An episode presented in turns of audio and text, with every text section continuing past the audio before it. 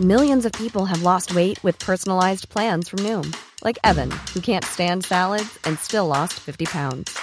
Salads, generally, for most people, are the easy button, right? For me, that wasn't an option. I never really was a salad guy. That's just not who I am. But Noom worked for me. Get your personalized plan today at Noom.com. Real Noom user compensated to provide their story. In four weeks, the typical Noom user can expect to lose one to two pounds per week. Individual results may vary. Hiring for your small business? If you're not looking for professionals on LinkedIn, you're looking in the wrong place. That's like looking for your car keys in a fish tank. LinkedIn helps you hire professionals you can't find anywhere else, even those who aren't actively searching for a new job but might be open to the perfect role. In a given month, over 70% of LinkedIn users don't even visit other leading job sites. So start looking in the right place. With LinkedIn, you can hire professionals like a professional. Post your free job on linkedin.com/people slash people today. Hadia Tajiks pendlerboligsak fyrte opp hele Presse-Norge. Denne uka kom det en rapport som flere mener frikjenner henne. Og hvorfor skriver ikke da flere medier om det? spør Dagsavisens kommentator Hege Ulstein. Må vi snakke om Tajiks pendlerbolig igjen? Ja. Og er pressen igjen litt for dårlig til å ta selvkritikk? ja. Det lurer vi på. Ja, vi lurer uka. på det, i hvert fall. Ja. Og det lurer på det. lurer også Svein Tore gjesten har vår på. svaret også da med en gang. Som vanlig. Påståelig som han er. Men eh, Hege Ulstein fra Dagsavisen er på vei til studio, eh, og hun lurer på det samme, eh, og har skrevet om dette denne uka. Hun er vel en av de få i pressen, kanskje, som har vært kritisk, holdt på å si, til denne saken, men også i flere saker. Jeg oppfatter henne i hvert fall som ofte litt sånn Motstrøms? Kjæring, Litt kjerringa mot strømmen noen ganger. Litt sånn befriende. Hvis man føler at dette kan vi jo snakke med henne om, da, men hvis man føler at folk går eh, Kommentariatet og pressen går litt i samme retning, så lengter man jo ofte etter en som skal bare liksom prøve ut en litt annen hypotese. Og i, i min verden så kommer den ganske ofte fra Hege Ulstein. Mm. Det syns jeg er fint. Og jeg som har uh, fulgt uh, Baneheia-saken i noen år, uh, har jo også lagt merke til at hun er uh, en av de veldig veldig få som har hatt en ganske tydelig og klar stemme der også. Ja. Eh, nå kommer jo alle snart til å ha det synet hun har, men hun har hatt det eh, på forhånd, nemlig at eh, denne saken både bør gjenopptas, skandale. og det er på vei til å bli en skandale og sånn sett så er jo hun og du eh, ganske enige, for det, dette er en sak du har engasjert deg veldig mye i, og skrevet mye om og laget podkastserie om, som heter Baneheia osv., så, videre, så jeg gleder meg til å bare sitte her og bli lyttere, jeg. vil snakke om det. Vi får se hvor, eh, hvor mye vi får eh, Ja, vi skal i hvert fall snakke om både Tajik-saken, eh, som hun mener mye om, og, og Baneheia-saken. Ja. Men en liten runde rundt bordet først, da, Svein Tore. Hva er det du har på hjertet denne uka? Du, jeg har lagt merke til at en debattjournalist som heter Maria Sung A. Lervik, sier at det ikke ser så lyst ut for journalistutdanningen når mediehusene rekrutterer influensere. Journalisttittelen blir mer og mer vag, skriver hun.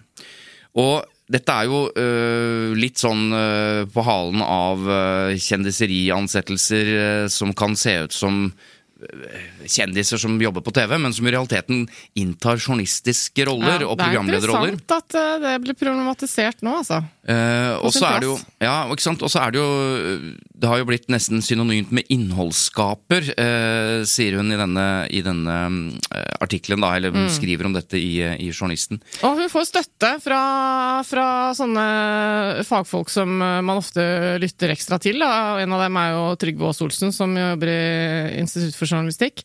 Som er mm, så å si enig med, med Maria eh, om dette. Og jeg syns at det, det som det er, så, det er så mange ting som er interessante og problematiske med det. For én ting er den derre eh, direkte vurdering av én person som er kjendis, og problemet med integriteten og troverdigheten og sånn i en rolle hvor du er kjendis og har vært med på Farmen, og så blir du journalist, altså programleder i f.eks. God kveld Norge, og så skal du snakke om de du har vært på programmet med, eller den type ting. Men eh, for meg sånn, så er det overordna problemet like stort, da, at eh, som Trygve Aas Olsen sier, det går utover journalistyrket og, og liksom eh, anseelsen til tittelen journalist. Ja. Men også det at eh, Etter hvert så føler jeg liksom at det, folk bare Hva er journalistikk? Det er for meg det største problemet. Er det ikke bare innhold? Ja, fordi at det, det er det som vi snakker om nå, og så er det det at uh, journalistikken fins der hvor uh, mye annet rørete innhold fins, nemlig i sosiale medier. På samme, I samme feeden på Facebook og sånn. Så etter hvert så er det litt sånn Om det står i VG, eller om det står i Dagbladet, eller om det er en post fra Sofie Elise, eller om det kommer fra en merkevare som har en god Facebook-side, så er det på en måte litt samme etter hvert. Ja, altså, Nå jeg drar jeg det langt, da, men Jo, jo, det er det som er enig. problemet her. Ja, og, og jeg tenkte på da jeg hørte Linnea Myhres podkast, som jeg liker veldig godt, Ja, helt enig. Den som heter kjempebra. Alle detaljene. Ja, ja, helt Og hun sier nettopp 'Jeg er ikke en gravende journalist'. Jeg vet det! Det er så bra Men jeg- intro! Men jeg er veldig interessert i de, eh, liksom alle detaljene, eller et eller annet Ja, anbefaler den podkasten. Er veldig underholdende. Men er det journalistikk? Ikke sant? For det ligner jo mye Eh. mer på journalistikk, det hun faktisk gjør i den podkasten, Ja. enn veldig mye annet som utgir seg for å være journalistikk, Ja. men som kanskje ikke er det. Så det, Altså, det, det ligger jo i hvert fall under VGs redaktøransvar, da, for hun er jo en del av Absolutt. Eller under Podmis redaktøransvar er det vel nå, da. ja. Men, eh, men det er et veldig godt spørsmål. Er det journalistikk? Og jeg tror egentlig det er jo Det, det sier jo eh, akkurat det som er relevant eh, med, med problemet her, som jeg prøver å beskrive. For eh, jeg vet ikke engang hva jeg skal svare til det. Liksom både nja og ja og nei. Fordi formen er journalistikk. Hun er ikke journalist. Og så vil jeg kanskje lande litt på at egentlig er det ikke journalistikk, fordi hun tydeliggjør i starten at det ikke er det. Men det blir også litt sånn derre ja. Nei, Det er jeg, mener det, jeg mener det eh, er journalistikk, da. Uh, Ja, det er samme som er vi journalistikk? ja. Vi er jo kommunikasjonsrådgivere. Vi er det motsatte. Ja, ja, men vi driver jo med det samme som veldig mange journalister gjør, og snakker, ikke sant? Absolutt. Men så bryter vi noe greier. Og i det øyeblikket det vi har snakket om her kommer på trykk i Medie24 eller Journalisten, så er det jo åpenbart journalistikk, da. Ja, det er jo det de, det de, det de trykker, er jo journalistikk. Ja. Ikke Men hvis de trykker det vi sier, da? Ja, ja, men, nei, men det er jo bare et sitat. Hva mener du nå? Skjønte jeg Nei, ikke. jeg mener at vi har jo samarbeidet med begge de Ja, sånn, ja. eh, vi hvor, hvor vi har gjort masse intervjuer, og så, og så blir det et samarbeid Ja, mellom oss. sånn, ja. Og da er det plutselig journalistikk, men når vi sitter her, er det ikke det. ja, ja, ikke sant. Det er veldig Men eh, bare lyst til å legge til eh, før vi går videre at eh, hun legger dette også oppå dette bildet, eh, nemlig at det er stadig færre som søker seg inn på journalistutdanning i landet. Altså det går nedover. Ja. Eh, og det er også det er 139 færre søkere i år enn i fjor. Ja, for totalantallet per år er sånn 900 og noe, er det ikke det? Ja. Jeg var litt sånn eh, Jeg syns egentlig det var litt lite, men det er kanskje ikke det? Det er jo begrensa plasser òg, da. ikke Ja. sant? Men, eh, Jo, men var ikke dette som søker seg inn? Ikke som, det er jo ikke 900 Jo, Det er ikke 900 som utdanner seg hvert år. Da hadde vi jo Nei, det hadde vært litt mye. journalister. Det har rett i. Men det går i hvert fall ned, da. Ja. Og det kan jo ha mange Det kan være mange grunner, men det kan også ha noe med hva er journalistikk? Kan du ikke bare være innholdsleverandør, eller det Ja. vi snakket om jo, men Så- kan du ikke bare bli kjendis? Det er jo det. Ja, det er det. Da, det er lettere å bli. Og, og søknaden til Kjendisskolen, den stiger i været. Ja, det gjør den jo absolutt. Den skolen er det jo ikke noe Det er ikke så høye opptakskrav. Nei, det er ikke det. Så det Ok, en annen sak eh, som jeg vet du har lagt merke til, eh, det er jo at eh, Og dette er jo andedam, vi skal være forsiktige nå, for vi må huske på Vi har hvem ikke som engang har snakket om det, du bare vet. Når du leser den saken, så tenker du på Ja. meg. Fordi den For det her handler om offentlige søkelister, eh, og det handler om journalistikk, så nå må vi nesten bare snakke om det. Det er jo Ja. Tone Sofie Aglen som er VG-kommentator, har vært det de siste årene. Mm. Nå har hun fått eh, den store jobben som kommentator etter Magnus Takvam i NRK. Ja, det var eh, Altså, jeg føler meg litt teit som ikke hadde tenkt tanken, jeg. Fordi at jeg hørte henne snakke i den podkasten hun vanligvis er i, da, og Gjengen, eh, om dette. Det var der de breaka det, tror jeg. Mm. Og da skjønte jeg at eh, dette er jo mange som har tenkt og spurt henne, og hun har måttet liksom Nja, nei, ikke sant. For at det, det som er greia, er at hun sto jo ikke på den offentlige søkelista. Nei? Da den ble publisert eh, i disse vanlige stedene, Medie24 og medier Ja. som Men det, holdt jeg på å si. mange NRK-folk sto der. Og dette var jo av offentlig interesse, for det, jeg mener alle vet hvem Magnus Takvam er, og han har en viktig rolle, en påvirkningsrolle, og mye makt sånn sett, eh, i hvordan han velger å analysere det politis politiske landskapet i landet vårt. Så, så det er jo en viktig jobb, absolutt. Og så står jo da ikke Tone Sofie Aglen på den søkelista, og det forstår jeg godt. Så det som er så interessant med debatten, og som jeg stadig kommer tilbake til, og jeg føler jeg liksom kjeder meg sjøl når jeg snakker om det nå, så jeg skal være kort, men det er jo at eh, det er et så interessant problem, for det er så vanskelig å finne løsningen. Selv jeg, som brenner så fælt for dette her, har ikke det konkrete forslaget til hvordan man skal gjøre det. For at det, eh, hensikten med at det skal være åpne søkelister til offentlige stillinger, er god og viktig. Altså Offentlighetens eh, bestemmelser om søkelister skal jo sikre at allmennheten og media får anledning til å ettergå ansettelsesprosessen osv. Åpenhet. Ikke sant? Men, men så er det det at det er veldig forståelig at eh, noen som er i en stilling, ikke vil eh, blowe for hele verden. I hvert fall en eh, konkurrerende medieinstitusjon som medieinstitusjon er. Og det er jo tilfellet her, så jeg har Ja. ingen problemer med å forstå at ikke Tone Sofie Aglen ønsker å stå eh, på den lista i tilfelle hun ikke får jobben, og da blir det litt rart. For hele VGs eh, si, publikum, mye Mm. rart, og, men ikke minst for kollegaer. Det skjønner jeg, og jeg skjønner at hun får det innvilget Ja. fra de som styrer prosessen, som sikkert er et rekrutteringsselskap som Så hva er problemet da, Eva? Nei, eh, problemet er at eh, hensikten med denne bestemmelsen det funker ikke. Nei, det blir ikke Ikke sant? ivaretatt. For at det er, det, vi oppnår ikke det som er greia. Jo, men er det ikke bedre det med som- litt åpenhet Nei, enn ingen det er det åpenhet, ikke, For da? da er det urettferdig. Ok. Ikke sant? For at uh, Sigrid Sollund og Espen Aas og flere folk i NRK som har ønsket denne jobben, eller vurdert Tenk liksom, ja ja, det kunne vært morsomt og ikke sant? Det er ikke sikkert at det Men da må jo de stå på den lista. Ja. For det er jo Sånn er det jo alle søkere fra internt i NRK. De følger dette systemet osv. Men eh, Og andre. Mm. Som kanskje ikke er noen gang så veldig aktuelle. Så dette er jo bare en urettferdig eh, ordning som har en god intensjon, men som ikke virker etter hensikten. Så løsningen er dårlig. Men du som har engasjert deg så vanvittig i dette, må jo finne den løsningen. Altså, kan du komme tilbake? Kan vi ha en egen episode når du har en løsning på offentlig Jeg mener at man må kunne reise prinsipielle, problematiske spørsmål, holdt jeg på å si, uten at eh, Ja, man skal ha svaret alltid. Men eh, jeg, jeg mener at det skal være åpenhet. Men at ikke det trenger å være hele verden eh, skal involveres i den fasen. At det kan være et mellomledd som sørger for at ikke det ikke foregår kameraderi. Og så har vi sagt at det er faktisk mulig å ettergå dette. Jeg vil si at pressen trenger ikke å være den eneste liksom, instansen som dobbeltsjekker dette. men poenget er at det er ikke noe i veien for at uh, man kan, hvis man ikke har full åpenhet, uh, så blir det jo åpent hvem som får jobben til slutt. Mm. Da kan man jo gjøre, ettergå dette. Etterpå. Har den prosessen vært bra? Ja. Det er ikke sånn umulig å gjøre det etterpå. Det er bare selvfølgelig, Vi så med Nicolai Tangen at det var litt tungvint å ta hele den Ja. greia etterpå, men det er også mulig, da. Ja. Så det er ikke sånn at vi ikke får innsyn. Vi kan få det etterpå. ja.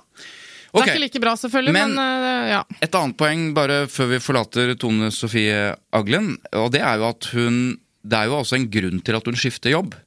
Eh, For det første så er det etter hennes eget utsagn en jobb du ikke kan si nei til, altså som kommentator i NRK, men hun har Mm. det veldig bra i VG. er verdens mest brukte sitat eh, når folk skifter jobb, egentlig. Ja. Det var en mulighet jeg ikke kunne la gå fra meg. Eh, Men jeg kjøper den så lenge jeg ja, tror på ja, det. ja, jeg- det er ikke kritikk, det Nei, er bare så lei av den formuleringen. Ja. Men hun har ved flere anledninger, eh, mener jeg, i Gjever og gjengen og sånn, gitt uttrykk for at hun er ikke alltid den som syns det er mest stas å mene noe veldig sterkt. Ja, hun er mer glad i å redegjøre for de ulike sidene. Og Mm. der har du forskjellen på kommentatorer eh, i VG, og Dagbladet for så vidt, og Aftenposten. Eh, altså, Og Dagsavisen. Ja, ikke sant? Meningsbærende Mm. eh, eh, kommentarer fra kommentatorer som har som jobb å mene. Subjektivt, altså. Mm. Ja. Eh, det, dette her skal hun ikke gjøre i NRK. Der er det en annen kommentatorrolle, eh, rolle, og det er å analysere. ja, du kommer inn og forklarer. Ja, På den ene siden, på den andre siden, Ja. og så har du Det er sant, eh, når du sier det, så har jeg jo lytta mye til Tone Sofie Aglen i, i den podkasten deres. Og, og hun er jo ofte litt sånn nja på den ene siden, på den andre siden. Hun er ikke så innmari sånn eh, Nei, det er Nei, sant. og, og en annen bare sånn tegn på det. Altså, hun hater terningkast. Ja. Altså, eh, VG fant jo opp terningen, hvis jeg ikke husker fælt Hvis Mm. det ikke var Dagbladet, jeg ble litt usikker, men de har jo da omfavnet terningen i alle år. Eh, Hanne Skartveit, som er politisk redaktør, eh, Ja, står for det, det bortsett sant, fra når det er terninger på kjoler på damer. Men i hvert fall, det liker hun heller ikke. Nei. Så det er et eller annet som falt på plass nå, eh, men for lytterne våre, som ikke nødvendigvis kjenner de vi snakker om, det viktigste poenget her er at dere bare vet at det er ulike kommentatorroller. Noen er meningsbærende, subjektive meninger, som Astrid Mæland eh, f.eks. i VG. Og så er det Magnus Takvam-skolen, eller NRK-rollen, som da hun skal ta over. Og der er det analyserende. Ja. Det er interessant, altså. Det, så jeg tror liksom det er, ikke, det er ikke sånn at folk tenker så mye på det i hverdagen, men når du beskriver det som du gjør, så, så er det jo en tydelig forskjell. Du, siden eh, denne kandidaten som fikk jobben ikke har vært på åpne søkelister, så har jo ikke offentligheten fått eh, anledning til å drive og mene masse før eh, beslutningen ble tatt. Nei. Så da får vi gjøre det nå, da. Hva syns vi om denne ansettelsen til NRK? Jeg syns den er eh, god. Ja. Eh, jeg, jeg tror Tone Sofie Aglen, som får masse skryt fra sine kollegaer i eh, VG og andre, eh, at hun kan kle den rollen på en eh, god måte. Jeg tror det passer NRK. Så nei, eh, topp. Hun har jo vært eh, mye gjest i forskjellige sammenhenger i NRK, så man kommer ikke til å føle at det var sånn Oi, det var et rart ansikt i denne ruta. Nei, og Eh, hun eh, har jo tror- fått trening i å eh, gjøre det hun skal gjøre mer av nå, nemlig analysere på lyd, eller i etermedier, enten Ja. det er TV eller, eller radio, ikke bare skrive. Mm. Og så er det jo riktig på mange andre måter. Altså sånn i, i, i takt med tiden, hvis man kan si det på den måten. Altså, det er en kvinne som erstatter en mann, Mm. eh, og hun er fra Trøndelag. Og hun er eh, yngre enn oss. Ja, det Ja. er hun faktisk. Så Er det mulig å være yngre enn oss? Ja, det, altså, jeg, nå ble jeg blå... og likevel ha en voksenjobb. Så gratulerer med det. Ja, flott! Flott ansettelse, NRK! Her Da- har vi ikke noe å kritisere. Da har vi jo en eh, fin overgang til eh, gjesten vår. Fordi det er jo en, nettopp en kommentator Det er helt riktig, det. Uh, som mener mye. Og det er jo derfor vi har invitert henne. Så eh, da tror jeg du skal bare stikke og hente henne. Det gjør vi. Hege! Da har vi fått eh, Hege Ulstein på plass. Velkommen til Tut og Mediekjør. Tusen takk. Du er eh, politisk kommentator i Dagsavisen. Har tidligere vært politisk journalist og leder av kulturredaksjonen i den samme avisen, sant? Ja. Det er helt riktig. Og så er du medforfatter av manus til en rekke dramaserier. Det er ikke sikkert alle veit det. Det er sånne politiske serier, ja. Sesong to av Mammon. Du har skrevet på Aber Bergen, på Livstid, og ikke minst Furia, den nydelige serien som nylig ja. var på Viaplay. Viaplay, helt riktig. Men, Det var eh, Gjermund uh, Stenberg Eriksen uh, som regi- og mannsfatter også. Veldig bra serie for de som ikke har sett den. Jeg liker at du bruker ordet 'nydelig' om en serie som handler om høyreekstrem Ja, ja. Men nydelig produsert. Men eh, vi har jo nettopp eh, snakket om eh, sånne som deg. Altså politiske eh, kommentatorer, eller eh, folk som skriver kommentarer. Meningsbærende sådan. Og de analytiske. Og så sa jeg vel et eller annet om at eh, de er jo ansatt i avisa for å mene, for å skrive det de subjektivt sett mener. Men det, er, det er ikke helt Du kan ikke bare mene hva som helst, kanskje. Hva er begrensningene dine, f.eks.? Altså Først og fremst så må jo vi som alle andre seriøse pressefolk forholde oss til fakta. Sånn at det å jobbe som kommentator er ikke så veldig forskjellig fra å jobbe som journalist i den fasen av arbeidet som handler om å innhente informasjon. Det handler om å forholde seg til skriftlige og muntlige kilder og sjekke de opp mot hverandre. Vår fordel er kanskje at vi kan snakke mye mer på bakgrunn med sentrale aktører, eh, fordi de har stort sett tillit til oss eh, når de gir oss informasjon, og vet at vi bruker den på en måte som, som ikke setter dem i en vanskelig posisjon. Eh, Men det handler om å skaffe seg innsikt og forståelse for politiske prosesser og hva som skjer i regjering, på Stortinget, i de forskjellige partiene, og så skrive ut ifra det. Og noen ganger så mener vi veldig sterkt om det vi skriver, eh, og tar tydelig standpunkt i en sak, og sier at jeg syns dette er riktig og bra, eller dette er feil. Mens andre ganger så kan vi jo være mer analyserende i dag, for eksempel, eller i hvert fall når vi gjør dette opptaket, jeg vet ikke når det kommer på lufta, så har jeg skrevet en eh, innsidekommentar om hva som skjer med utvidelse av eh, loven om svangerskapsavbrudd, som er ganske analytisk, og jeg ikke mener så veldig mye akkurat i den, men kan godt hende jeg skriver en kommentar om det på et senere tidspunkt, hvor jeg tydeligere signaliserer hva jeg selv mener i det spørsmålet. Nettopp. Så den saken kan dere gå inn og lese, for dette kommer da på lufta dagen etter opptak. Ja. Så den kan dere da lese i morgen. Men du Hege, det er så mye prat om sånn på bakgrunn. Det er ikke sikkert at alle de som hører på, liksom, egentlig skjønner hva det innebærer. Når du skal innhente noe informasjon eh, Nå skal vi i gang og snakke om Hadia Tajik-saken, så la oss bare ta den. Eh, hva, hva gjør du når du skal finne ut av noe på bakgrunn? Er det sånn at du f.eks. ringer Hadia og sier 'hei, det er Hege, eh, jeg bare lurer på en ting', på bakgrunn? Ja, jeg kommer ikke til å fortelle hvem jeg snakker med, men, Nei, lov å prøve seg! men, eh, men det, måten vi jobber på er at vi, vi skjønner jo hvem som er aktører i en sak, eh, og hvem som har kunnskap om hva som skjer i en sak. Og det kan jo være litt forskjellig. Det er jo ofte at de som har kunnskap om en sak, eh, og som sitter tett på prosessene, vet mer om saken og vil, ønsker å si mer om saken enn de som er eh, de fremste aktørene. Men jo flere vi klarer å snakke med om de forskjellige sakene, jo bedre kunnskap får vi. Og så er jo vår jobb da å sette sammen alle de små bitene. Og eh, lage et helhetsbilde hvor vi kan forklare for leserne hva som faktisk eh, skjer. Og så må dere være obs på selvfølgelig at noen har jo helt klare hensikter ved å eh, ikke plante historier hos deg, men i hvert fall komme med sitt narrativ, sin fortelling. Veldig interessert i det, sånn at du ender opp med å skrive i hvert fall noe som ligner på deres fortelling. Men så har jo du da mange Ja, andre kilder som sier noe annet, selvfølgelig. Men, men, men det der eh, merket jeg altså da jeg jobbet eh, på Stortinget en liten periode. Når jeg snakket med kommentatorer, som Hege og som andre, så satt jo de der og innhentet denne informasjonen, og jeg var trygg på at det eh, Fordi da Det er ikke noen sitater, ikke sant? Dere er ikke ute etter sitatene, eh, dere er ute etter kunnskapen. Eh, og vi må være fort enige om at dette er eh, bakgrunn.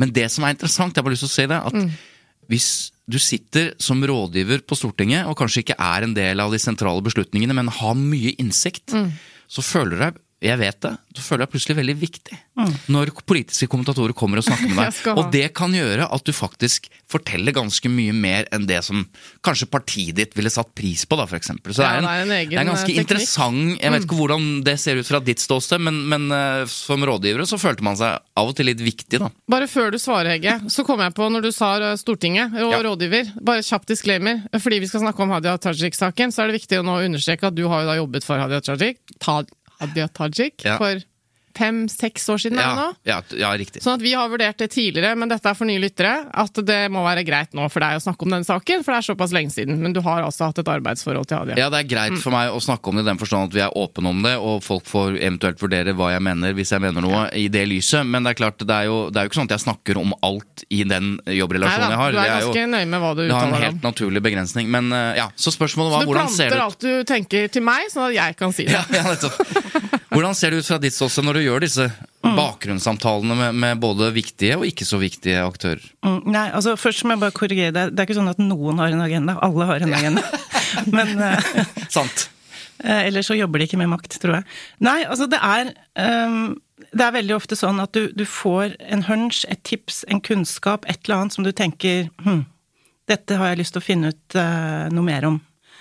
Og så begynner du å nøste i den saken og prøver å snakke med flest mulig folk som vet mest mulig. Og det er jo eh, 99 av 100 ganger en helt sentral forutsetning for å kunne stille gode spørsmål, er at du har kunnskap om saken og har noe å spørre om, rett og slett. Altså hvis du kommer bort til Altså du kan få en time alene med Jonas Gahr Støre på bakgrunn, men hvis ikke du har noe interessant å spørre han om, så får du heller ikke noe gode svar. Og det Sånn at det er eh, vanskelig å beskrive det på noen annen måte enn det. At det er Jeg er ikke noe glad i å legge puslespill, sånn ordentlig puslespill, men den, denne typen puslespill liker jeg veldig godt å legge. Men denne rådgiveren som ikke virker så viktig, men som allikevel føler seg viktig når du snakker med han, hvordan merker du det? Jeg er ikke så veldig opptatt om de føler seg viktige eller ikke, egentlig, men, men de er det, altså. Fordi at folk som er, eh, er hva, hva skal vi si, litt sånn nummer to og nummer tre og nummer fire i disse hierarkiene, er, er De sitter ofte på veldig mye mer kunnskap, og de har ikke så mye prestisje knytta til sakene. Altså jeg, ikke for å skryte av meg selv, men jeg syns at en av grunnene til at det var så interessant å skrive en bok om Martin Kolberg, var at han nettopp aldri hadde hatt en topposisjon. Han hadde aldri vært partileder, aldri statsråd, men han hadde vært ett skritt bak og fulgt med og vært inne i alle rommene, ikke sant. Og også da sannsynligvis vært mindre stressa i en del situasjoner og kunne følge mer med, slippe å ta alle de der toppbeslutningene, og, og kunne da altså fortelle mye mer når han til slutt bestemte seg for å fortelle. Da bare legger vi til det. Eh, for du nevnte at, at hun skriver TV-serier, men eh, Ja, må bare legge til at, at at eh, hun har skrevet en av de aller beste politiske biografiene Ja. som er gitt ut de siste årene, om Martin Kolberg. Det mener jeg, og det mener åpenbart anmelderkorpset også, som ga den veldig mye god kritikk. Så Ja. skryt, skryt. Jeg bare legger på en, en del skryt nå, ja, for det kan hende det kommer noen kritiske spørsmål litt seinere i episoden. Såkalt mørning, som Ja. vi kaller det. Balanserte på et eller annet vis. Men det var jo ikke bøker Nei, vi skulle snakke om. Hadia Tajik, eh, skal jeg stille det første spørsmålet til Hege om, om saken? Kom igjen.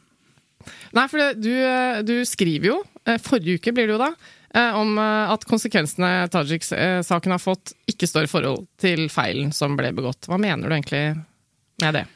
Ja, altså det er min oppsummering etter å ha lest en eh, revisorrapport som eh, ble bestilt og kom nå i begynnelsen av mai. Og den er bestilt av Hadia Tajik. Det er noen som har problematisert det, men sånn som jeg forstår revisorverden, så eh, må de være uavhengige. Uansett så syns jeg rapporten var interessant, fordi den gikk gjennom alle de spørsmålene som knytter seg til perioden fra 2006-2010 i, i, den saken. Kan jeg bare spørre, Hva slags ja. rapport er det? Er det sånn at lytterne kan gå på Google og finne den? Uh, nei, uh, så vidt jeg vet så den, ligger den ikke ute på nett. Men uh, journalister kan be om innsyn i den, og ja. jeg kjenner ikke til at noen ikke har fått det. Som, som, som, spør om det. Mm. Altså, som går til ja, stortingsgruppa til Arbeiderpartiet og spør om den. Men eh, poenget er at den går gjennom, gjennom sånn, ganske mange punkter som knytter seg til hennes skattemessige forhold i, eh, i den perioden 2006 til 2010. Mm. Altså ikke den pendlersaken til Aftenposten fra 2019, men de såkalte VG-avsløringene, hvis vi skal kalle det mm. det. da. Det var basically VG som hadde de fleste sakene mm. der. Um, og det som er interessant med rapporten, det er at den, den frikjenner henne ikke fullstendig på alle punkter, men den gjør det på ganske mange punkter. Og eh, den konkluderer med at beløpet hun skulle ha betalt i skatt, helt sikkert er 15 000, og så kanskje litt til, men ikke i nærheten av de 200 000 hun faktisk har betalt. Og det kanskje aller mest interessante med den er det siste spørsmålet revisorene blir bedt om å besvare. Eh, for da får de en invitasjon eh, til på helt fritt grunnlag er det andre kritiske spørsmål, andre saker, som jeg ikke har tenkt på, som jeg burde ha tenkt på, som også er mm. uh, kritikkverdig, eller uh, hvor jeg har gjort feil. Og på det spørsmålet så er svaret nei. Og, det, og da tenker jeg, altså Hvis det hadde vært en veldig sånn styrt rapport, hvor det er sånn dere skal bare se på det, og veldig avgrenset, så hadde den vært svakere. Men i og med at de også mm. har fått all informasjon og kommet til at det er ikke noe mer, så tenker jeg at da er rapporten interessant, og da er det spennende for oss journalister å forholde oss til det som faktisk står i rapporten. Og det som først og fremst forbløffet meg, var at jeg etter hvert skjønte at det var veldig mange som hadde fått den. Mm. Men det var ingen som skrev om den. Mm. Og her er poenget. Mm. Eh, og noe av grunnen til at vi inviterte deg. Fordi eh, når vi snakker om pressen, hva pressen velger å gjøre, hva pressen, hvorfor lager man journalistikk på dette, ikke på dette, redaksjonelle vurderinger Makten ligger i utvalget. Ja, og vi prøver å forklare hvordan journalistikken blir til. Dette er jo kjernen i det spørsmålet. For her er det en sak som har dominert mediebildet over lang, lang tid, som har fått store konsekvenser, politiske, personlige osv., på bakgrunn av et bilde eh, som journalistene har trukket opp og, og dokumentert osv. Og, så og så sier du kommer det en rapport som du mener i hvert fall langt på vei frikjenner henne, det har du nå forklart, og så er det tyst. Ingen skriver om det. Du skriver om det, men det som skjer ganske raskt etterpå, når du beskylder pressen for å nærmest tie. Det er, det er, jo som å fly rett inn i sporet, da. og begynne å kritisere pressen. Da kommer det en, en, kommentar fra en annen avis som har et litt annet eh, utgangspunkt og et ståsted, og som også var involvert delvis i denne saken, Aftenposten. Eh, og kommentator eh, Yngve Slettholm, som går veldig i rette med deg. Andreas Slettholm. Andreas. Ah, hva er det jeg sa? Yngve. Yngve. Det er en annen. Det, han eksisterer også. Helt sikkert. Han er samtidskomponist. Oh, ja. Men samme det. Ja. eh, poenget er at han skriver eh, Først så kritiserer han der for å bruke strafferettslige eh, begreper. Det, altså dette med frikjenner osv. Det er et sterkt begrep. Men så, så sier han også Ulsteins mye spredte kommentar er et forsøk på å renvaske Tajik. I hvert fall skriver Ulstein selv at en rapport fra revisjonsselskapet RSM sitat, langt på vei frikjenner Hadia Tajik i pendlerboligsaken. Det er uheldig å bruke strafferettslige begreper i denne saken. Likevel er det fristende å svare nei, det gjør den slett ikke. Og så argumenterer han for det. Fordi han har lest den samme rapporten, og han mener at den ikke eh, frikjenner eh, på den måten du sier. Og da kan jo vi bli usikre hvis vi ikke har lest den, og mm. lytterne vet ikke helt. Og mm. leserne, dine og Aftenposten, har mm. heller ikke lest det. Da er det to kommentatorer som leser denne rapporten helt ulikt. Mm. Eh, og et av hovedpoengene hans er jo at uh, man ikke snakker om dette leieforholdet, for det skriver de også i rapporten. At vi har sett bort fra dette leieforholdet, og da snakker man om leieforhold til foreldrene som ikke kan dokumenteres. Mm. Og det ser du også bort ifra skriver han. Mm. Så um, hva tenker du om denne ganske tydelige kritikken av ditt forsøk på å renvaske Tajik, da? Ja, jeg svarte han jo i Aftenposten. Du gjorde det? Um, det? Jeg ble litt sånn skuffet over den kommentaren hans, fordi jeg hadde håpet at vi kunne få en debatt om evnens, pressens evne til selvkritikk, og diskutere hvorfor er vi så lite interessert Åh, i Hadde du håpet det? Naiv og dum som jeg er. Ja. Nei, ja. men når svarene på alle de spørsmålene vi har stilt i tre måneder, endelig kommer, og vi har spurt og spurt og spurt, og så får vi svarene, og så ja. Eh, og, og, det kunne godt vært kritisk journalistikk på den rapporten også, ikke sant? Altså mm. eh, finne ut av den type ting, men i stedet så blir det Den, den blir overhodet ikke omtalt, bortsett fra at den, den blir nevnt i et NRK-intervju med henne. Hun har sånn comeback-intervju rett før 17. mai, og der, der blir den nevnt. Men Utover det, ingenting. La oss bare ta det, fordi eh, jeg er ikke så keen på, og det vet ikke om lytterne er heller, å finne ut av hva som er riktig eller frikjennende i den rapporten eller ikke, men det poenget ditt at, Jeg kan godt ta en runde på det, altså, men, men jeg syns dette er et veldig viktig poeng. Nettopp, og, det, og da har jeg lyst til å spørre hvorfor Nå lever litt av det, for det handler om eh, selvkritikk og evnen til å ta kritikk. Vi mm. snakker om det i hver nesten episode, ikke sant? Men hva er grunnen, tror du, da, til at dette ikke blir omtalt. Heller ikke kritisk, for det er som du sier, du kunne bare sagt at nå har den rapporten kommet. Den er bestilt av Hadia Tajik, de kunne problematisert det hvis de ville. Her er det forsøk på svar osv. Men det at den ikke blir omtalt, hva er grunnen til det? Nei, altså, det er et veldig godt spørsmål. Jeg tror noe av det handler om at du har en sånn voldsom dynamikk i sånne avslørings-skandalesaker som bygger seg opp til et crescendo og så, når vedkommende politiker da går av, eller eh, trekker seg, eller blir felt eller kastet, litt ettersom hvordan dette foregår, så, så, faller dramatikken Du kan se det grafisk fremstilt hvis du går inn på, på Retriever eller Atex eller andre søketjenester, kan du se hvordan omtalekurvene bare kollapser fullstendig, sånn at interessen mm. blir borte. Mm. Og eh, det er på en måte kanskje menneskelig bra at en person som til slutt da gir seg og ikke orker mer, skal få slippe å fortsatt stå til rette for de eh, tingene vedkommende har tatt ansvar for og tatt konsekvensen av. Men baksiden av den eh, medaljen, for å kalle det det, det, det er jo at interessen blir fullstendig borte. Sånn at hvis du på et senere tidspunkt eh, kommer fram opplysninger som peker i en annen retning, så er det ikke noe interesse for å se på det. Et uh, eksempel fra veldig, veldig gamle dager er Torstein Moland, som ble utnevnt til sentralbanksjef. Så ble det mistanke om noe sånn kokelimunke med noe Airbus og kriminelle greier og sånn. Og han måtte gå av. Og så mm. kom eh, saken. Han ble frikjent på absolutt alle punkter. Mm. Ble ikke noe særlig føss om det. Han kom aldri tilbake i offentligheten. Nei, fordi konsekvensene Tajik-saken har fått, er, står ikke i forhold til feilene som ble begått, skriver jo du, da. Uh, så, ja, ifølge, ifølge, den rapporten så mener jeg at den uh, peker på så mange punkter som var avgjørende i den situasjonen, som nå viser seg å være veldig, veldig mye mindre enn mm. man kunne få inntrykk av. Mm. Og vi, Spørsmålet handler jo om hvorfor tror vi ikke at mediene eh, skriver mer om dette. Eh, og da må vi også liksom, lure på Er det noe er det en følelse her av at uh, vi gikk for langt, vi bidro for mye til at uh, en politisk stjerne falt? Mm. Er det det som kan ligge der? At man ja. ønsker ikke å rippe opp i en slags sånn jeg dårlig samvittighet? Det. Jeg tror ikke det. Eh, ikke fordi ikke journalister har samvittighet, men jeg tror rett og slett det er eh, i det landet du eh, beskriver, at mediedynamikken er sånn. Noe av det vi forklarer når vi holder foredrag om hvordan, hvorfor saker blir saker, mm. så, så, er jo en av de viktigste kriteriene, kriteriene er aktualitet. Ja, men altså hun var jo nå Hun kom jo tilbake til Stortinget nå, jo, jo, det er jo aktuelt. Men ak aktualiteten, den knaggen vi snakker om, er at det er noe prøve å forklare dette, det er noe som er totalt uinteressant i mars mm. som er kjempeinteressant i juni. For i juni har Badetemperatur? Den, for eksempel. I juni har det en knagg. Altså Vi snakker om nyhetsknagger som gjør at det får et eget driv. Ja. Og et eget drev også, faktisk. Og det da er, det, da er alle, alle, saker om dette temaet i randsonen uinteressant, egentlig, men til sammen blir det interessant, for det pågår akkurat nå. Den mm. aktualiteten.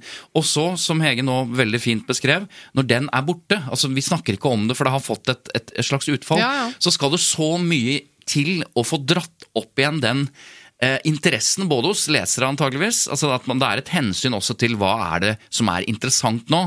Men det som er alvorlig ved dette, hvis jeg får lov til å mene noe om det, og dette har vi snakket litt om før, Eva, i det som kalles konstruktiv journalistikk. Mm. Det begrepet Jeg tror det var konstruktiv ja, journalistikk. For da handler det ikke bare om personer. Det kan være en, det kan være en sykehusskandale hvor man fokuserer voldsomt på kritikken i en rapport som har kommet. Så får folk og lesere et bilde av at dette funker ikke helse, dette, dette sykehuset er helt på styr. Så går det noen uker, og så retter de opp de feilene, og så var var det ikke så alvorlig som det så ut som, osv. Det får vi aldri vite om. Altså Det skrives ikke om det som på en måte er Når man får noen svar som kanskje kan berolige oss, eller kan tegne et nyansert bilde av det sjukehuset. Det får vi ikke vite om, for det er ikke en nyhetssak på samme måte. Fordi det andre viktigste nyhetskriteriet Ja, men er konflikten. Ja, ikke sant? Jeg tror det er veldig sammensatt. Jeg tror noe av det handler om prestisje. Og så tror jeg noe av det handler også om at en del av disse skandalene er på et detaljnivå som er fullstendig utmattende. Jeg synes eksempelet som Slettholm bruker i sin eh, kommentar, er veldig godt. Fordi han, han snakker om denne eh, leiekontrakten, og tar, løfter den opp på en måte som krukset i fortellingen, og mer eller mindre avfeier de andre punktene disse revisorene går igjennom, som, som jeg syns han gjør litt lettvint. Nå er ikke han her, så jeg skal ikke gå for hardt på han, men Blant annet så mener jeg at det var ganske mye av kritikken som handlet om eh, illojal skattetilpasning og sånn, og det sier de revisorene at det er det, er det ikke. Altså ferdig snakka. Mm. Men det til side, hvis vi går til denne leiekontrakten, så er mitt inntrykk av eh, for så vidt både hans kommentar og det ganske mange andre eh, skriver og sier om den saken, at hun fabrikkerte en leiekontrakt etter at hun fikk vite at hun måtte skatte av eh, pendlerboligen sin. Eh, Og at den la grunnlaget for at hun ikke skattet i fire år, altså fra 2006 til 2010. Mm. Og det høres ikke bra ut. Nei, Nei. Og, og, og det er da samme bilde hvor hun da gir uriktig informasjon Til til statsministerens kontor. Riktig. Mens det som er Hvis du skal liksom gå ned på skikkelig flisespikkernivå, så er det sånn at hun melder flytting i folkeregisteret til denne leiligheten før hun får beskjed eh, om, om dette skatteforholdet. Sånn at det gjør hun helt uavhengig av Altså det ligger ikke noe bevis for at det er noe skatteplanlegging der i det hele tatt. Det er det første. Det andre er at hun da etter, eh, krysser av på at hun ikke jeg opprettholder ikke utgifter på mitt bosted, skriver hun. Og dette, altså alle som hører dette, skjønner jo at når du er en 23 år gammel student, så er det en helt meningsløs formulering. Altså hvis du er eh, en tobarnsfar som bor i en villa, så skjønner du at du Da klarer du å skjønne hva du skal svare på det spørsmålet. Men hvis du eh, er 23 år gammel student, bor i en studenthybel som du har fått av studentskipnaden, som du må ut av, for du har ikke lov å bo i en sånn hybel når du ikke lenger er student og blir politisk rådgiver. Og så er spørsmålet opprettholder du utgifter. Nei, det gjør hun ikke. Men hun får utgifter fordi at hun vil ha en tilknytning til sitt hjemfylke på en eller annen måte, og tenker da i utgangspunktet en leilighet jeg kan leie kan være fin, sånn at jeg har et sted å bo når jeg er hjemme i Rogaland. Men Hege Men, men bare ja. sånn, og så, eh, og så velger hun da å ikke bo der, men hos foreldrene. Og et siste punkt, bare sånn for å gå tilbake til den revisorrapporten, så er det sånn Ja, det, kan, det er kritikkverdig, det har hun beklaget, det har hun gått av for, og det, det var ikke riktig å gjøre det på den måten. Men ganske snart så får hun jo reelle utgifter i Rogaland, i en annen leilighet.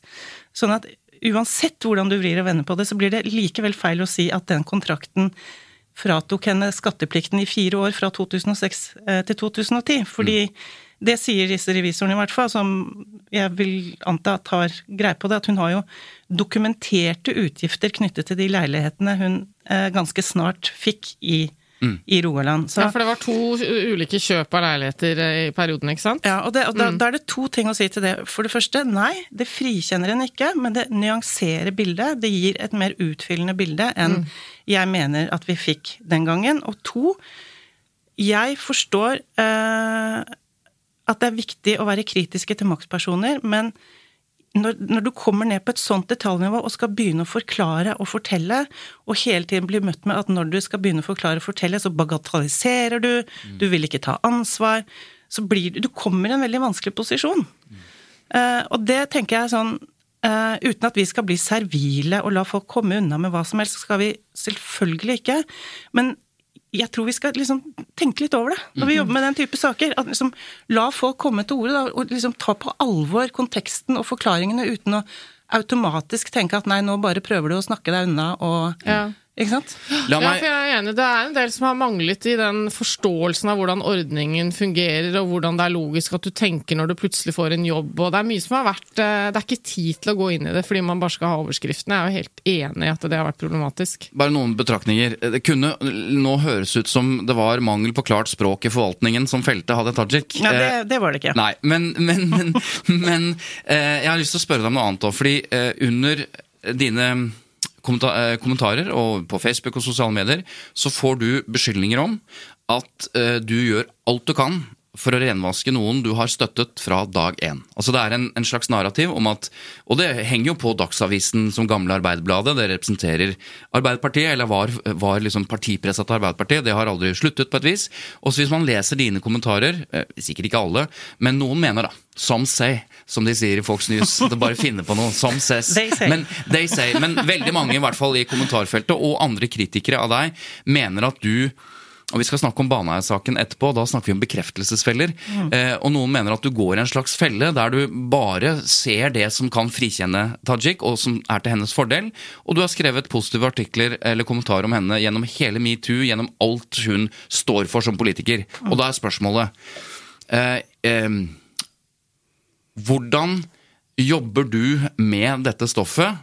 Når du vet, Dette jeg sier nå, vet jo at du har vært positiv til Hadia Hvordan jobber du med en sånn revisrapport for å unngå at du går i en eller annen form for bekreftelsesfelle, hvor du bare søker informasjon som støtter henne og hennes syn? Mm.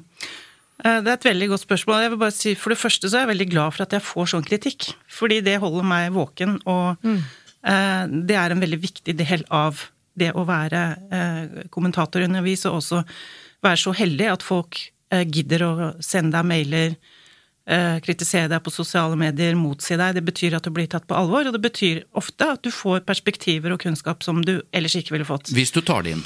Hvis du tar det inn. Så det verste, verste som skjer, er jo at du eh, ignorerer eller blir sittende inne i en slags boble, da. At ingen, eller at ingen bryr seg. Eller at ingen bryr seg. Det er det aller verste. Så det, det er, eh, det er Men spørsmålet er hvordan jobber du for å unngå å havne i den fella som jo øh, Det er helt dypt menneskelig å havne i. At du søker informasjon som bekrefter det du har trodd på lenge, Ja. eksempel. Nei, altså jeg, øhm, jeg mener jo at jeg prøver å møte dette her med en sånn grunnleggende skepsis. Altså når jeg setter meg ned for å lese den rapporten, så, så er jeg veldig opptatt av at jeg skal være helt uforutinntatt og ikke ha noen formening om hva den mener eller ikke mener når jeg går gjennom den. Eh, og jeg skal ikke gjøre meg selv til noe robot eller noe sånt. Altså jeg, jeg skal ikke påstå at jeg klarer det helt, men jeg jobber veldig bevisst med det. Men så er det uh, også sånn at jeg mener jeg kan være helt ærlig på det. At jeg mener at Hadia Tajik er en av de dyktigste politikerne Norge har hatt. Hun har vært ekstremt viktig for Arbeiderpartiet, og jeg mener at det var svært alvorlig for regjeringen Støre at hun måtte gå av. Eh, Hun var, og det skrev jeg tidlig da den regjeringen tiltrådte, og det eh, fikk jeg i ettertid bekreftet at det var en helt presis analyse. Det var tre statsråder i den regjeringen som måtte lykkes hvis Jonas Gahr Støre skal lykkes. Og det er Espen Barth Eide som klimaminister, Jan Christian Vestre som næringsminister og Hadia Tajik som arbeidsminister. Hele prosjektet til den regjeringen hvilte på de tre personene. Og når hun da plutselig blir borte på, en, på den måten hun ble borte, ikke minst, så er det eh, trist for sosialdemokratiet, som står min avis nært, og trist for eh, regjeringen Støre. Men bekrefter Så- ikke du da nå på et vis, Hege, at du er, og jeg setter veldig pris på at du er ærlig på det, at du mener dette, og du har jo da skrevet meningsbærende kommentarer om det, men når man mener det, at, at Hadia Tajik er viktig for Arbeiderpartiet, og så kommer det en skandale, og så er du den som eh, mest forsvarer henne, og som etter at revisorrapporten kommer, har behov for å fortelle det til alle. Andre leser den rapporten helt annerledes. Og da er du jo på sett og vis nesten i ferd med å bekrefte at jeg har den holdningen. Og i hvert fall forskningen sier på bekreftelsesfellet er nettopp det at når du har inntatt en holdning, så er det kjempevanskelig å justere det synet. Fordi det er så dypt menneskelig at vi søker bekreftelse på det vi tror på. Og når du sier at du, at du syns hun er viktig, og hun er i ferd med å gå på trynet, og hun går på trynet, så er det i hvert fall lett da, å tenke og lese dine kommentarer med det bildet og med det utgangspunktet at det da har en, en ubalanse. da. Jeg forstår, jeg forstår godt Nå at du stiller jeg ikke spørsmål, nå Nei. argumenterer jeg bare, egentlig. Ja, Jeg, men jeg forstår, jeg forstår at du sier det. For det første så mener jeg at det er eh, riktig av meg å være åpen på de vurderingene jeg gjør. Det hadde vært eh, ja, Jeg vet ikke hvilket adjektiv jeg skal bruke, men det hadde vært veldig uredelig å, å, å late som noe annet. Det er det ene. Og så er det det andre at jeg mener at jeg var kritisk til eh, de svarene hun ga, og de opplysningene som kom fram i den VG-delen av avsløringene. Eh, det skrev jeg ganske mye om. Der, eh, der kan folk gå tilbake og si at det, der er jeg ikke noe apologet for henne i det hele tatt. Det jeg var øh, kritisk til, var den Aftenposten-avsløringen om de tre månedene hun bodde i pendlerleilighet fordi hun ikke kunne bo i sin egen leilighet da den lå ute for salg, av mm. sikkerhetsgrunner. Mm. Det syns jeg var en dårlig sak. Jeg syns den var tynn, og jeg syns den var konstruert. Eh, og det skrev jeg en kommentar om. Eh, så er det nok også noe av dette her som går tilbake til 2017-2018. Og det har jeg syntes har vært en interessant prosess i Arbeiderpartiet. Fordi over tid så er det sånn at altså når vi er i 2017-2018, da er vi inne i Giske-saken, hvor hun spiller en veldig sentral rolle. Og eh, jeg har hørt så mange si så mange ganger eh, i lang tid etterpå eh, at han måtte gå av som nestleder, at eh, hun skal tas. Altså, det er et stort miljø i Arbeiderpartiet som eh, er fortsatt veldig lei seg for at Giske måtte gå, som vil ha han tilbake, og som som, er, som, har vært veldig, veldig veldig etter henne. Og dette vet du på bakgrunn? Dette vet jeg på bakgrunn. og, eh, og, jeg trenger ikke å vite det på bakgrunn engang. Du kan bare se den filmen om Trond Giske, ja. så blir det sagt rett ut. Folk kommer bort til ja. han og sier 'hun må vekk'.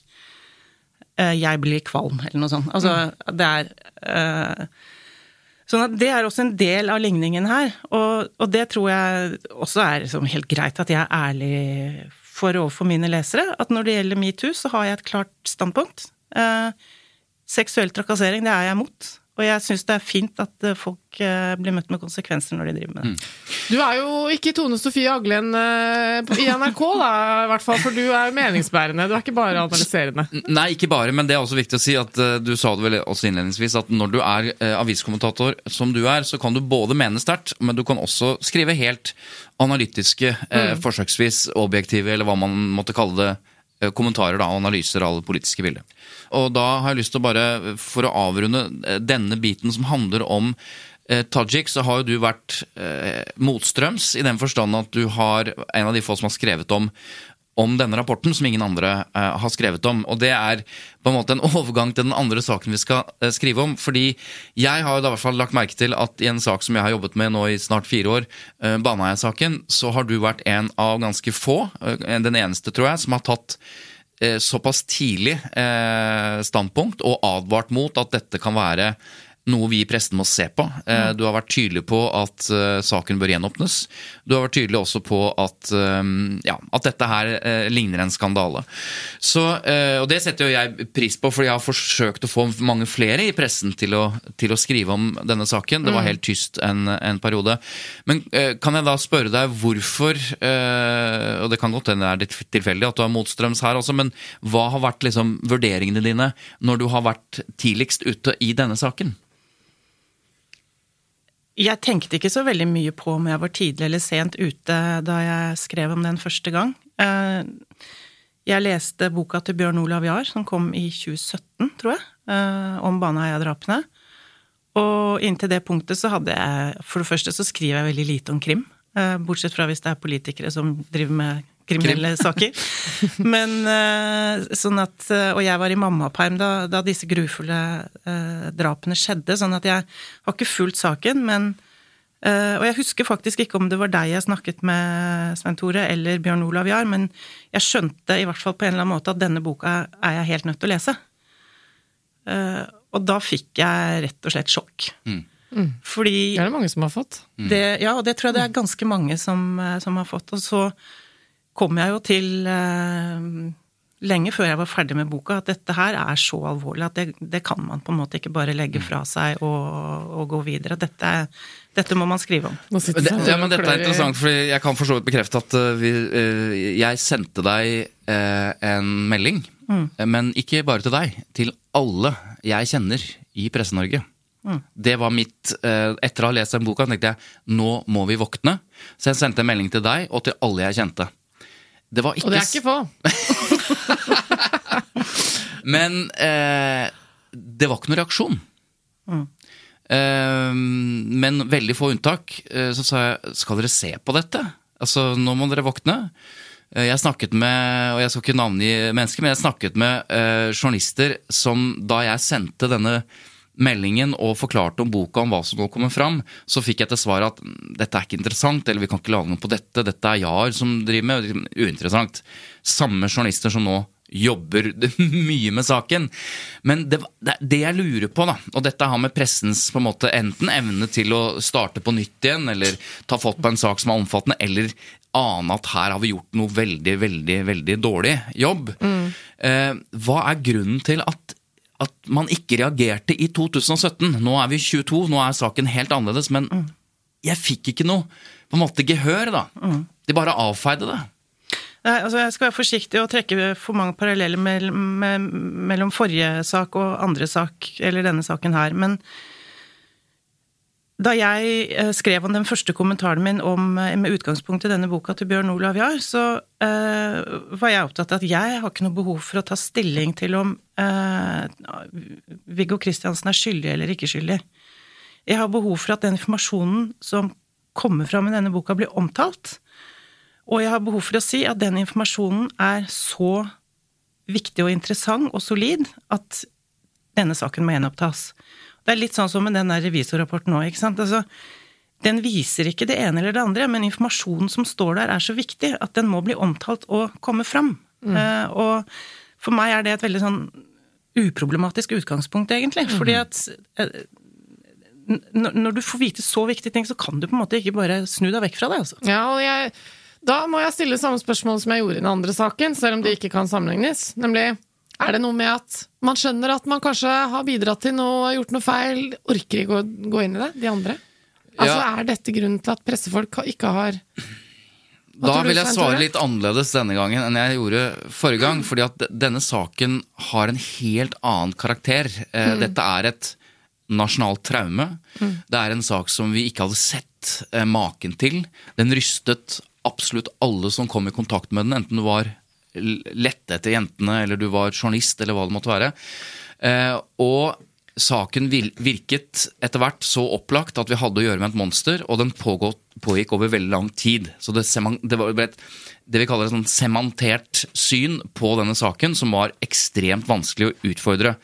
Og jeg er nå for så vidt i gang med å lese meg opp på gamle lederartikler og kommentarer fra disse årene, disse første årene. Og da blir det om mulig enda mer skremmende for meg, når vi vet det vi vet i dag, hvordan pressen kunne være så skråsikre på eh, hvem som hadde gjort det. Som, altså det var rettskraftige dommer, men det er annet en lederartikkel eh, i VG, eh, en sånn minileder, som, som sier at eh, Viggo Kristiansen kan godt vente over sommeren til å få vurdert denne begjæringen om gjenopptakelse. Dette var i 2009, for det har jo vært gjenopptakelsesbegjæring lenge. Mm, fordi, fordi denne saken kommer aldri i verden til å bli gjenåpnet. Sto det på lederplass. Og så kan man selvfølgelig unnskylde det, fordi sånn så bildet ut. Poenget mitt er bare at det har vært over så lang tid så mange pressefolk som har konkludert, skrevet, ment at det var som Da jeg leste boka til Bjørn Olav Jahr, jeg jeg var helt sikker på at han var skyldig. Altså 100% sikker. Men forskjellen er jo da, eh, uten å gjøre meg til noen Jeg var jo ute av pressen da jeg leste denne boka. Det jeg fortsatt lurer på, er når du får dette presentert, denne informasjonen, at du da ikke reagerer. Ja, da tror jeg det handler om en eller annen form for kombinasjon av dø døsighet eller dovenhet. At du liksom ikke orker, og det at det er prestisje i den. Jeg tror det, den, den kombinasjonen og er som der. enkelte har vært inne på, inkludert deg, at man eh, føler ekstra ansvar overfor de pårørende her. At man tenker at eh, her bør vi ikke bare la dette ligge. Siden vi har en gjest, så kan jeg kanskje stille det spørsmålet. Ja. For jeg har, jeg har ment det i, i løpet av den siste uka, og jeg har sagt det, at jeg tror at hensynet til de pårørende har gått ut over rettssikkerheten til Viggo Kristiansen.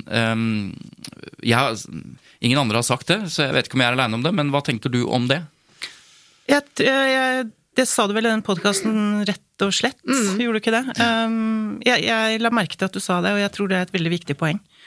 Og jeg la også merke til at du sa at det betyr ikke at vi skal eh, klandre dem for å være engasjerte pårørende, men vi må se på oss selv og stille oss selv spørsmålet som pressefolk om hvordan vi klarer å håndtere faktainformasjon uten å ta for mye hensyn til den type hensyn. Altså man skal ta hensyn til de pårørende, selvfølgelig, men eh, man kan ikke ta så mye hensyn at man velger å se bort fra fakta som peker i retning av at vi her har å gjøre med antagelig norgeshistoriens verste justismord, mm. sånn som saken står nå.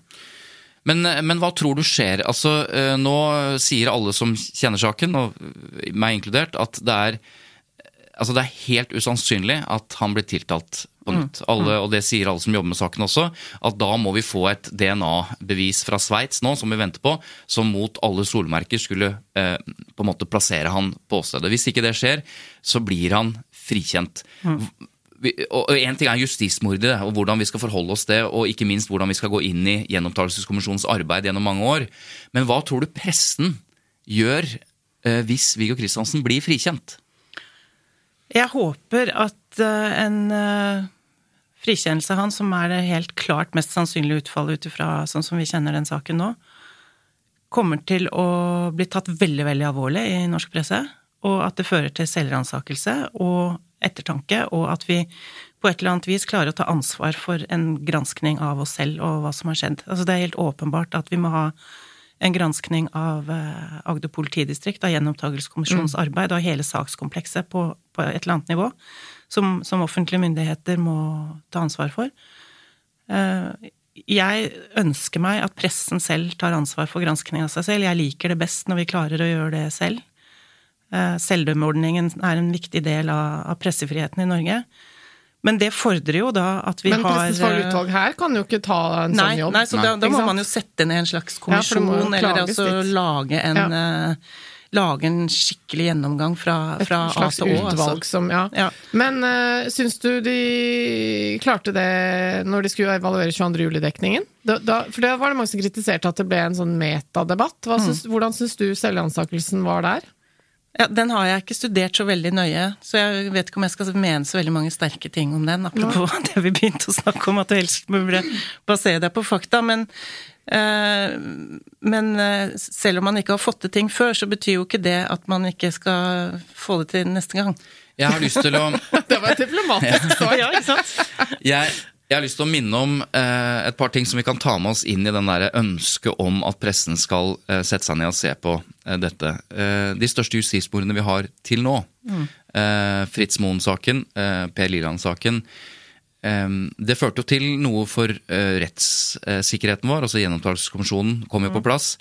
Men den andre store som vi kanskje glemmer i dette, er jo den enormt store Thomas Quick-skandalen, der mm. norsk presse, norsk politi og påtalemyndighet eh, gjorde seg helt bort.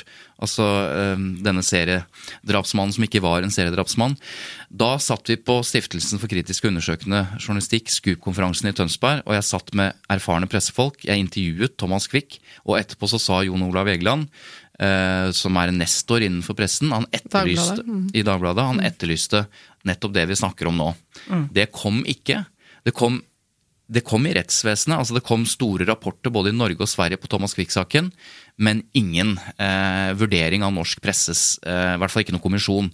Det skjedde ikke etter de andre justismordene heller. Mm. Så vi har ikke noe stolt tradisjon uh, for å sette oss ned og se på denne type saker. Uh, et unntak er jo selvfølgelig Tore Tønne-saken. Da ble det satt ned en, mm. en, en, sånn type utvalg som skulle se på den saken. Men uh, jeg håper du har rett. og jeg håper at norsk presse velger å gjøre dette. Men, men, jeg er usikker fortsatt. Ja, altså, men jeg tror det, er, liksom, det som kanskje vil kunne senke terskelen litt for å gjøre det, da, det er å være veldig tydelig på at Hovedformålet med, med, en sånn eh, type granskning vil jo være to ting. Det ene er jo å kartlegge fakta. Hva har skjedd? Eh, hvorfor har det gått galt når det har gått galt? Og hva gikk riktig når det gikk mm. riktig? ikke sant? Eh, og lære av det, sånn at vi for guds skyld ikke kommer i samme situasjon en gang til. Men jeg tenker at Poenget må ikke være at man skal ha en sånn syndebukkjakt hvor man skal peke ikke. på folk og du dreit deg ut og den type ting. Det mener jeg er helt uinteressant. og det eh, det er vanskelig å unngå det, det kanskje? Det, ja, nei Jeg tror ikke det. Jeg, tror ikke, jeg, jeg har jo gjennom alt dette arbeidet aldri hatt noe behov for å peke på I rettsvarianten mm. så pekes det jo på Absolutt, men det er noe annet. Fordi da skal noen stå til ansvar for dette. Men pressen skal jo hovedsakelig prøve å lære av dette. Ja. Og da er det fenomenet, eller hva som faktisk har, har skjedd. For dette er jo ikke én journalist som har dritt seg ut. Nei, eller én redaksjon. Men jeg bare lurer på om det er det som kan være grunnen til at man er tilbakeholdne eh, på å sette i gang med Ja, en sånn gransking. At alle tenker at det, det kommer til å falle litt tilbake på meg. Kanskje best bare å holde litt kjeft her. Ja, men jeg ikke, tror- jeg tror vi har kommet her har alle Ja. å si, driti seg ut. Ja, men det er nettopp nettopp det. Så det er ikke, det er, det, vi er ikke på jakt etter én syndebukk eller én redaksjon som Nei. har driti seg ut. Sånn som i Bar Vulkan-saken og VG-saken, så sto VG ganske aleine uh, og, og fikk hele trøkken. Dette, hand, Mm. dette er jo helt motsatt. Eh, så mm, ja. Men Hege, uh, tilbake til det at du, du begynte med å si at du syns det er veldig bra at folk kritiserer deg på Facebook. Eller, Ja, saklig, liksom, altså. ja. Men eh, altså, kan vi ikke bare snakke bitte lite grann om eh, pressens vilje og evne, litt mer om det, til, eh, til å liksom, debattere egen, sitt eget virke, da.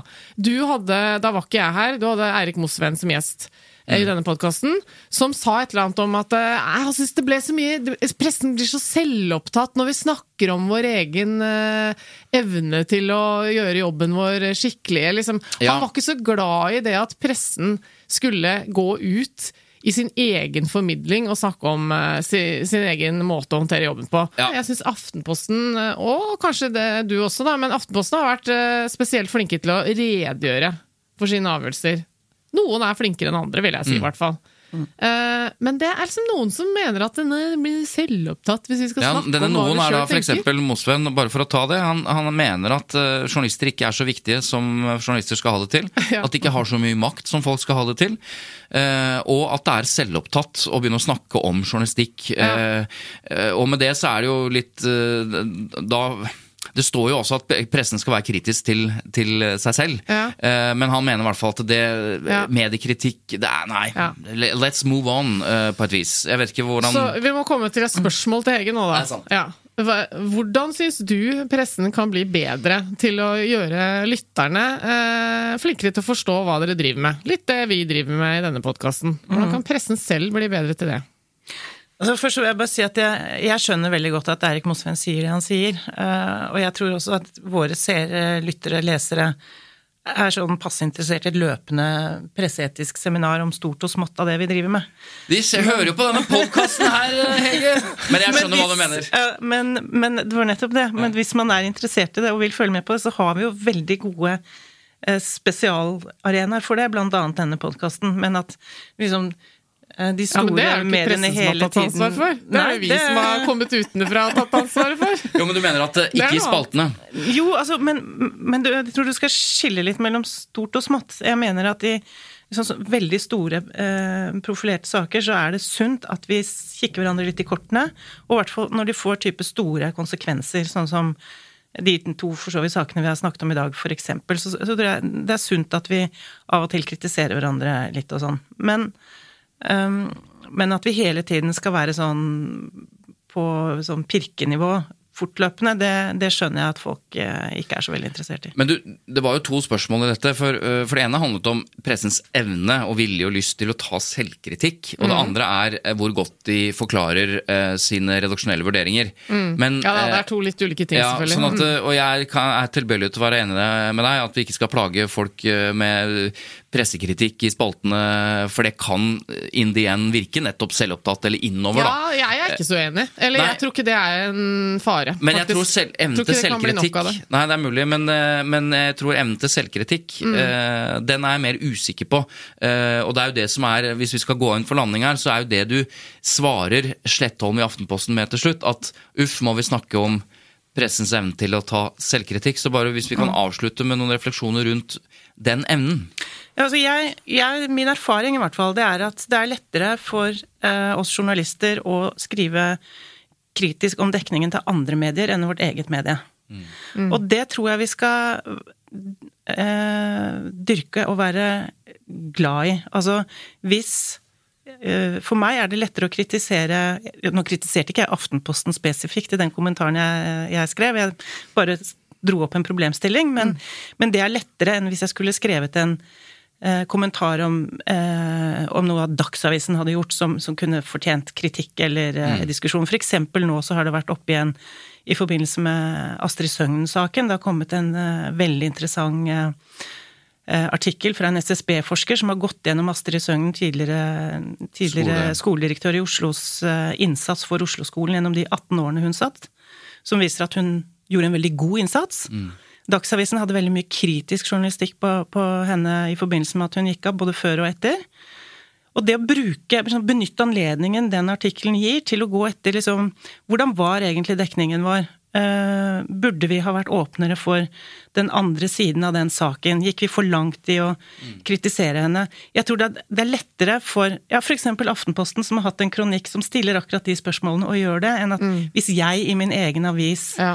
ikke sant? Og det, sånn at jeg, jeg tror vi skal være flinke til å bruke hverandre og høre på hverandre, kritisere hverandre, høre på hva som blir sagt, og så istedenfor å litt for raskt ofte gå i den der sånn nei, det der, der eh, vil jeg ikke høre på. Men det er mye- der tror jeg vi har mye igjen å Det er jo en større tyngde eh, i at dere selv tar selvkritikk enn at Aftenposten kritiserer Dagsavisen for å ha tendensiøs journalistikk, eller hva det måtte være. Det Ja. virker jo mye sterkere hvis du selv erkjenner den kritikken. Ja, for det, det, er, det er så vanskelig å innrømme feil, og jeg skjønner godt hva du sier, at det gir mer mening at en annen avis eh, tar jobben med å kritisere dere. Men gud bedre hvilken effekt det har når noen bare sier jeg lurer på om vi rett og slett bare dreit oss ut der. Sånn som Erna altså Erna fikk jo mye oppmerksomhet her om dagen når, hun endelig eh, innrømmet at vi, vi gjorde feil i denne Nei, vet du hva, det der var så taktisk Altså, du fatter fatter Og så begynte man å skjønne at det var mye greier. Ja, for Men det er sant, hele poenget. at Skal man du blir si veldig overrasket når noen på eget initiativ, eller i hvert fall liksom på spørsmål, bare innrømmer at ja, vi, Men da må det være ekte. For hvis Ja. du sier, hvis du innrømmer en slags form for feil eller tabbe eller tar selvkritikk, og det ikke er ekte, det er andre grunner til at du gjør det, taktiske hensyn eller hva det måtte være, da virker det altså mot sin hensikt. Som alle unnskyldninger som ikke er godt ment, uh, virker, da. Ja. Uten å ta den Erna-biten, men, uh, men ok. Ja, men jeg tror bare sånn veldig kort på slutten at et viktig ord her som vi ikke har brukt, er dette som handler om korpsånd. Og jeg tror, Før så var den mye sterkere i pressen som helhet. Jeg syns faktisk vi har blitt flinkere til å si fra til hverandre mellom, eh, mellom eh, mediehus og, og publikasjoner osv. Mm. Men den sitter nok hardere igjen internt i redaksjonen. Jeg tror nok fortsatt det er sånn at hvis man skal gå ut offentlig med kritikk av egen journalistikk, så vil det oppleves som ukollegialt eller illojalt Ja, eller et brudd med den korpsen. Og det er jo veldig forståelig. Og det er derfor jeg tenker at det da må vi i hvert fall løfte fram eh, denne andre måten å gjøre det på, Mm. og egentlig bli litt mer glad i, glad i den måten å Ja. mm. ha konstruktiv og saklig kritikk Ja. av hverandre. Da. Ja, for jeg opplever jo egentlig at dere pressefolk det, Dere er jo ikke en eh, enhetlig masse, da, men En klump. ja, at dere er ganske flinke til å krangle, men allikevel være venner. Mm. Så nå lurer jeg på, sånn som nå har du krangla litt med Andreas Slettholm eh, på kommentarplass. Hva, hva, hva føler du nå overfor han sånn, hvis du møter han etterpå på gata? Nei, altså Det mener jeg det er en helt avgrensa saklig Ja. uenighet som vi har, og det har vi hele tiden. Så dere møtes og tar en øl eh, uten problemer eh, etterpå, liksom? Vi skal sikkert på masse landsmøter sammen neste år og sitte på pressebordet og treffes hele tiden. og og det er eh, Altså, jeg tror ikke du klarer deg veldig lenge som kommentator hvis du skal begynne å ta kritikk personlig. Og Nei, tenke at, men eh, jeg så spør, det for jeg tror sånn, det er en. Mm. del som, eh, som ser for seg at det er litt vanskelig å drive og kritisere hverandre. Jeg vet ikke. Jeg har bare lyst til å eh, Ja. Ja, nei, det, Ja. nei, altså, det tror jeg er veldig sjelden. Altså, vi, Ja. vi er uenige, og det er helt sikkert noen som ikke tåler trynet på hverandre, garantert. Men sånn, i det store og det hele så, så skjønner vi jo at en, en saklig uenighet begrenser seg til den saklige uenigheten, og det betyr jo ikke at han syns at jeg er et dårlig menneske, eller at jeg syns han er en Nei. idiot. Nei, Altså, ikke sant? Og poenget mitt som jeg kanskje ikke kom frem til, var at det er min oppfatning av pressefolk. At dere er veldig gode der på liksom å tørre å bjeffe skikkelig, og så etterpå er det ikke Og, noe og problem. det samme er jo politikerne som krangler hele tiden, Ja, men som sant. har også den, noe av den samme Så det er egentlig bare vi vanlige folk som må skjerpe oss litt. Ja, altså, vi har noe å lære, tror jeg, bare pressefolk Ja, som klarer å ha konstruktive, gode diskusjoner, og, og politikere. Ja. Eh, men eh, jeg skal bare legge til helt på slutten her, siden vi har jo nå snakket om som om uh, Baneheia-saken er et justismord. Det er det jo ikke før eh, Viggo Kristiansen er frikjent, men bare understreker Ja. at den avgjørelsen blir antageligvis eh, Den kommer over sommeren, for nå sitter man og venter på eh, prøver eh, fra Sveits. Men det, bare så folk er klar over det, det som da skjer, eh, det er at statsadvokaten må da komme en innstilling til Riksadvokaten, og da er det eh, enten så eh, frafaller de på en måte hele saken, mm. nærmest automatisk, eller så innstiller de på en frifinnende dom eh, og møter i retten. Og det som er problematisk selvfølgelig da, er at hvis ikke det blir ført bevis for hans eh, for den frifinnende dommen, da, at, at ikke folk får litt mer kjøtt på beina, så blir dette, kan dette forbli en verkebyll. Så det som blir interessant nå, er hvordan dette skjer, og ikke minst hva som skjer med Jan Helge Andersen etterpå. Så har vi på en måte tatt den Ja, biten. bra du gjorde det. Og Er det noen flere du mener burde fått svare for seg nå? Så nå når du først er i gang med litt Altså, sånn disclaimer Hege her, som er gjesten, har jo dette i, eh, innebygd i seg. Så når hun begynte å snakke mye om Andreas Slettholm, Ja. så, sa han, så sa hun jo han er jo ikke her, så jeg skal ikke dra på for mye der. For det ligger en sånn etisk eh, en måte, ryggmargsrefleks at eh, Samtidig imøtegåelse. og- Samtidig imøtegåelse osv. Men eh, vi har ikke snakket med Andreas Slettholm, men han har jo skrevet, og det er å lese både ditt innlegg og hans innlegg, så det står greit Det, på egne bein. vi poster det på Facebook-siden vår, sånn at dere kan finne frem til de innleggene. Den lille fram tilbake Siste, siste faktaopplysning. Hvis vi, skal Hvis du- også, vi skal også i i hvert fall sånn som planene ser ut nå, når vi tar opp dette, så skal vi på Dagsnytt 18 i NRK eh, torsdag. Sånn at eh, Ja. der eh, vil man kunne ivareta noe av denne tilsvarsretten. Har du lagt merke til det at vi er ganske ofte på samme agendakjøret som Dagsnytt 18? Ja, det må det bli en slutt på. Eh, fordi Noen ganger så kommer de etter oss òg, jeg må bare få påpeke det. Ja, eh, og det ty tyder jo på at eh, der er det jo også åpnet for å diskutere eh, pressens rolle i dette, eh, åpenbart. Siste faktaopplysning. Yngve Slettholm, som jeg da kalte Andreas Lettom, han er det er jo den, Dette er jo samtidskomponisten som var statssekretær i Kulturdepartementet for Valja Svarstad Haugland. Bare Ja, så det er klart. Ja. Valgjær. Jeg syns du sa Valja, skjønner du. Bare sånn at vi har det eh, sånn fastslått ja, i, er i er nerdenes mente. Flott. Takk for nå. Men du, Ja. eh, Hege Ulstein. Ja. Stjerna i kommentatorverden, som etter min Jeg introduserte deg før du kom inn, som etter min mening da ofte kommer med det etterlengta liksom, andre blikket på ting. Eh, det, var, det er min Ja, vurdering. eller som, som ses er i lomma på Arbeiderpartiet og skriver bare eh, eh, positive artikler om Hadia Tajik. Eh, Og manusforfatter og forfatter, tusen takk for at du kom. Det var veldig hyggelig å være her. Tusen takk for at jeg fikk komme. Og det er jo eh, denne langsomme samtalen om eh, presseetikk vi skal fortsette med. Vi vet ikke hva som skjer eh, et, altså neste uke, men har vi episoden neste uke, Eva? Kan vi garantere det? Det kan vi ikke garantere. Nei. Kan vi utelukke at uh, et eller annet? Vi kan heller ikke utelukke det. Nei. Det ville vært Så- veldig rart. Sannsynligvis så ses vi om en uke. Nei. Vi høres om en uke. Takk for nå. Men du, i The. Times uh, The Daily så sier de 'see you tomorrow', selv om det er en podkast. Det syns jeg er litt rart. Ja, det syns jeg også er rart. Ja. Syns du det er rart? Jeg hører på The Daily mye, og jeg syns det er veldig mye interessant å høre på, men akkurat det har jeg ikke bitt meg merke Du har ikke det, nei? Legg merke til det. det Ok, dere. Ses i morgen. Ses neste uke. Eh, Lyd og Produksjoner produserer, og Eva heter Eva, og jeg heter Svein Tore. og Vi er ferdige nå. Ja. Ha det. Ha det. Ha det.